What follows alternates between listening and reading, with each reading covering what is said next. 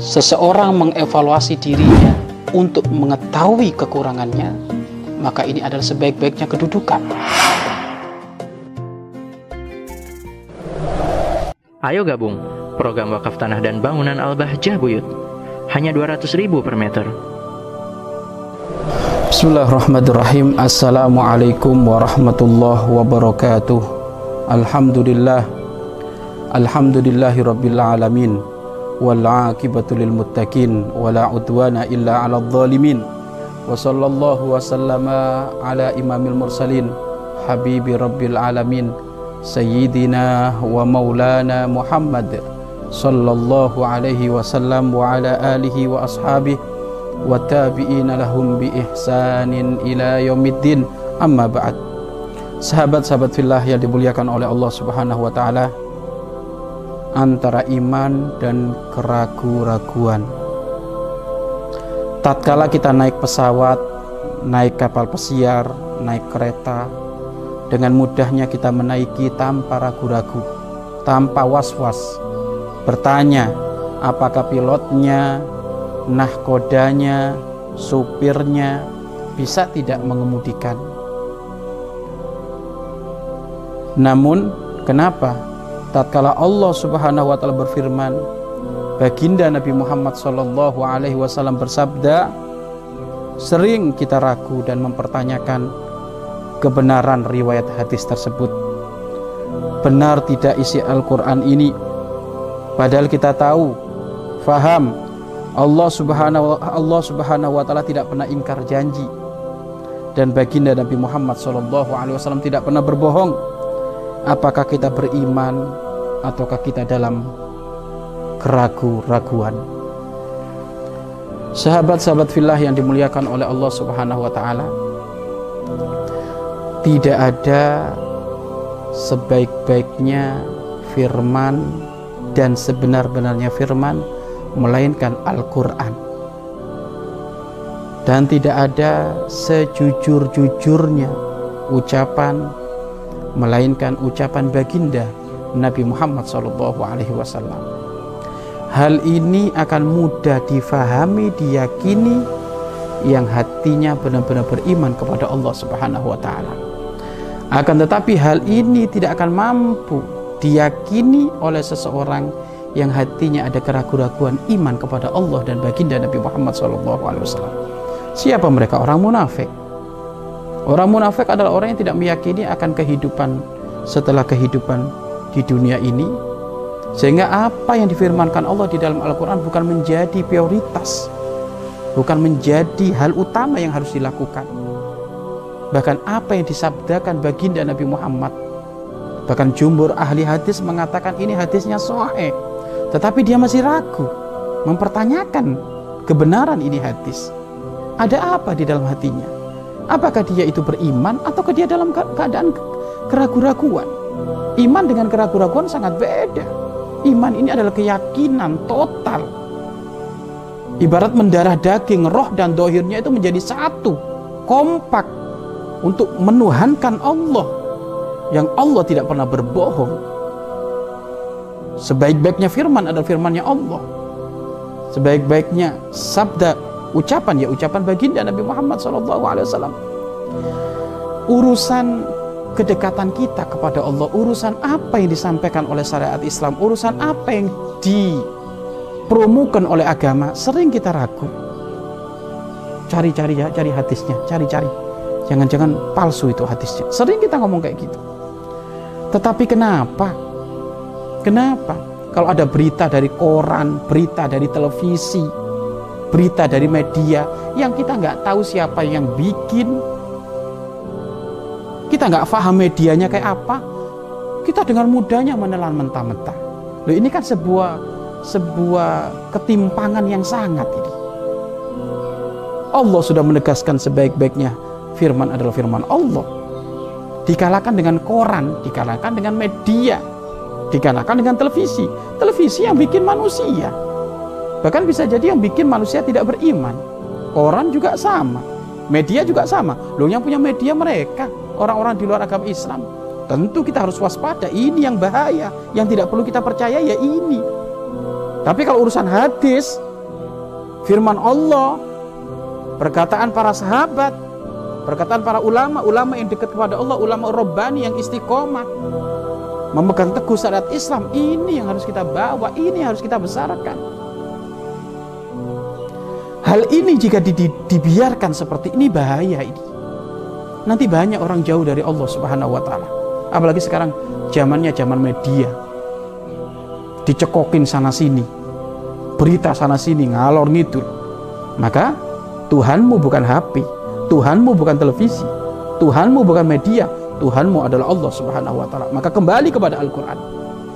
Kembali kepada hadis baginda Nabi Muhammad, kembali kepada para sahabat, kembali kepada para perkataan ulama. Yakin kalau ulama sudah ngomong, yakin jika Allah sudah berfirman, maka itu adalah kekokohan hati di dalam kita beriman kepada Allah Subhanahu wa taala. Unik manusia ini, unik bin ajaib. Kalau lagi naik pesawat, naik kapal pesiar, naik kereta, nggak pernah ada keraguan-raguan apakah itu apa itu supirnya bisa membawa nahkodanya bisa membawa kapal pesiar ini ataukah enggak? Tidak ada keraguan kita. Padahal masya Allah kita naik kapal pesiar berada di bentangan lautan yang tidak terbatas kayak gitu. Kedalamannya pun masya Allah andai kan kita tenggelam ya sudah wassalam. Tapi kenapa di saat itu sudah menyerahkan tiket kepada tukang tiket? Kita langsung masuk ya kan? Kita langsung masuk.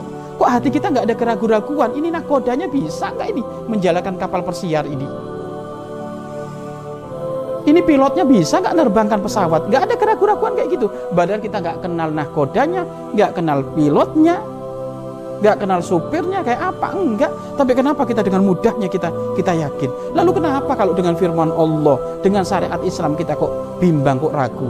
Bahaya imanmu. Ada apa dengan iman kita ini? Jangan dibiasakan kayak gitu. Khawatir nanti kita dicabut. Meninggalkan dunia imannya tergadaikan tergadaikan oleh media, tergadaikan oleh berita-berita televisi, tergadaikan oleh oleh oleh oleh berita-berita koran. Imanmu boleh digadaikan kepada siapa? Kepada Allah. Allah yang perlu kita imani. Baginda Agung Nabi Muhammad yang perlu kita imani. Maka kalau seperti itu kita butuh merenung. Kita ini imannya benar nggak kepada Allah? Memang iman berpangkat-pangkat. Dalam arti berpangkat-pangkat iman yang nyampe pada puncak itu kan sampai nyampe makom hakul yakin yakin benar. Ada orang beriman ia percaya tapi hatinya belum yakin. Ini juga muskilah ya. Ada juga ngomong iman kepada Allah nggak percaya sama sekali. Ragu. Wah ini munafik ini. Bahaya. Dan orang munafik itu berada di kerak-kerak api neraka Allah. Orang munafik itu gambarnya di dunia orang Islam. Hukum-hukum hukum-hukum keislaman tetap diterapkan kepada dia. Makanya tidak boleh tidak boleh membunuh orang munafik karena dia tetap masih dihukum orang Islam. Tapi nanti dia urusannya dengan Allah di akhirat. Dia akan ditaruh di kerak-keraknya neraka. Maka ayo, ayo, ayo kita tengok isi hati kita. Berapa, betapa sering kita ragu dari apa yang sudah ditentukan oleh Allah. Baginda Agung Nabi Muhammad SAW sudah menyebutkan di dalam sabdanya, orang itu kalau infak bukan tambah berkurang tapi baliyazdat baliasdat baliasdat. Semakin bertambah semakin bertambah semakin bertambah. Tapi kadang otak kita ini nggak nyambung kita tambah gimana? Duitnya berkurang sih otak itu di dalam memikir itu terbatas. Tapi kalau imanmu kepada Allah itu luas. Maka kapan otak ini memaksa dirimu untuk mengilmiahkan kembalikan dengan keimananmu kepada Allah? Siapa yang berbicara ini? Karena tidak semuanya itu perlu dirasiokan itu enggak Semuanya itu tidak perlu dilogikakan itu tidak. Karena ternyata ada hal-hal yang memang perlu kita yakin. Dan banyak orang-orang sukses seperti itu karena memang keyakinannya begitu hebat kepada Allah. Keyakinannya begitu hebat kepada Allah. Karena jangan sampai ada pemahaman kepada diri kita bahwasanya selain daripada Allah itu manfaat, memberikan kemanfaatan. Ini bahaya. Bahaya. Kalau mengatakan selain daripada Allah memberikan kemanfaatan itu bahaya itu. Itu benih-benih kesyirikan itu. Bisa jadi menduakan Allah dia kalau seperti itu. Bahaya. Tidak boleh seperti itu. Maka yakin yang memberikan manfaat adalah Allah selainnya tidak. Yakin yang memberikan manfaat adalah Allah selainnya tidak. Maka firman Allah adalah firman yang paling benar. sabda baginda Nabi Muhammad sabda yang paling benar perkataan para sahabat adalah perkataan yang perlu dinomorsatukan perkataan para ulama yang istiqomah di jalan Allah adalah perlu kita pegangi. Kalau anda sudah mengambil wilayah itu maka anda tidak akan mudah terombang ambing di dalam di dalam fitnah media yang saat ini terjaga. Maka yuk kita kita kita pompa kita perbarui keimanan kita. Kita berbarui. Mau naik pesawat aja kita nggak kenal dengan pilotnya dengan mudahnya kita tenang. Bahkan di saat kita naik pesawat tiba-tiba ada awan gitu pesawatnya itu goncang kita masih tenang kok kenapa yakin pilotnya bisa mengemudikan Loh ini Allah sudah berfirman Al-Quran sudah menceritakan Baginda Nabi Agung sudah menyebutkan Kok masih ragu itu Ada apa dengan kita? Ada apa? Ada apa? Rezeki sudah dijamin oleh Allah Allah Allah sudah berfirman di dalam Al-Quran Tidak ada sesuatu apa pun yang melata di muka bumi ini kecuali rezekinya sudah dijamin oleh Allah. Allah ini yang berfirman, tapi masih ragu. Ragu memang nggak ngomong, tapi kelakuannya ragu. Sehingga apa? Dia rela bekerja meninggalkan kewajiban, sholat ditinggalkan. Loh, kalau bekerja meninggalkan sholat itu ragu kepada rizki Allah. Mengambil duit yang haram, mengambil rezeki yang haram, tender yang haram. Tidaklah orang mengambil rezeki yang haram, tender yang haram kecuali dia ragu bahwasanya rezeki sudah dijamin oleh Allah Subhanahu wa taala. Jadilah diri kita itu orang yang seperti hanya bayi. Bayi itu adalah termasuk manusia yang paling percaya kepada orang tuanya. Makanya dia kalau kalau kalau kalau dia kalau dia lagi butuh apa-apa ya modalnya dia nangis bayi itu. Kenapa? Karena yakin orang tuanya dengan nangis orang tuanya akan perhatian. Kemudian kalau lagi senang dia ketawa, senyum dan juga menjadikan orang tuanya semakin cinta. Kenapa kita kepada Allah tidak seperti itu? Andaikan kita butuh kepada Allah, segera kita ngadu. Dan memang kita harus butuh kepada Allah. Bukan andaikan, memang kita butuh kepada Allah.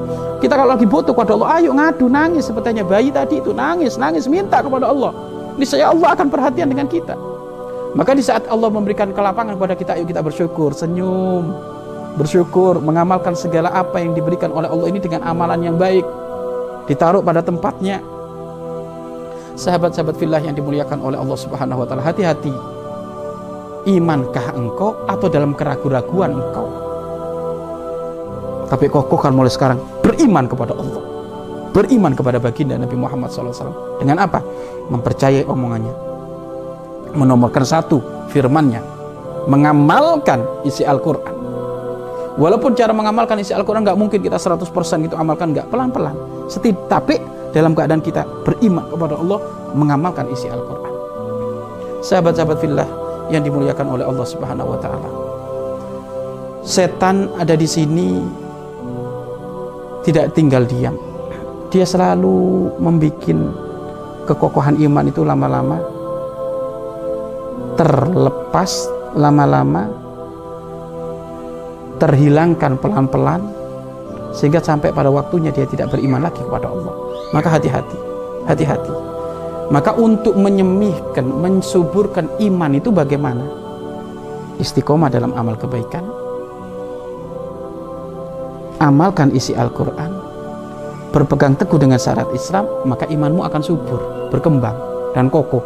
Kalau sudah subur, akarnya akan mengakar sekali, dan ranting-rantingnya semakin besar kokoh maka ada fitnah-fitnah terpaan angin sehebat kayak apa pun dari setan, iblis dan pekundal-pekundalnya ia tetap kokoh tidak akan goyah. Tetapi kalau ternyata akarnya adalah akar yang lemah ranting-rantingnya adalah ranting-ranting yang kecil yang lemah maka di saat terkena terjangan fitnah-fitnah iblis setan ia pun akan tumbang. Maka ayo kita kokohkan keimanan kita dengan kita banyak benar-benar melakukan amal kebaikan dengan istiqomah mengamalkan isi Al-Quran mendengar sabda baginda Nabi Muhammad dan diamalkan nurut patuh kepada para ulama maka ini adalah penyubur di dalam keimanan di dalam hati kita. Mudah-mudahan Allah menjaga keimanan kita sehingga sampai kita menghadap kepada Allah Subhanahu wa taala. Wallahu a'lam bissawab. Mari berinfak untuk operasional lembaga pengembangan dakwah Bahjah Buyut